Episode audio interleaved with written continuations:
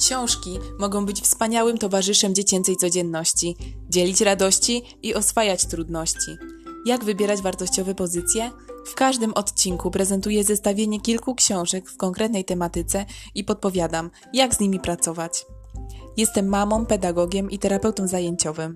Nazywam się Julia Liśkiewicz i zapraszam na podcast Mamo, czytaj!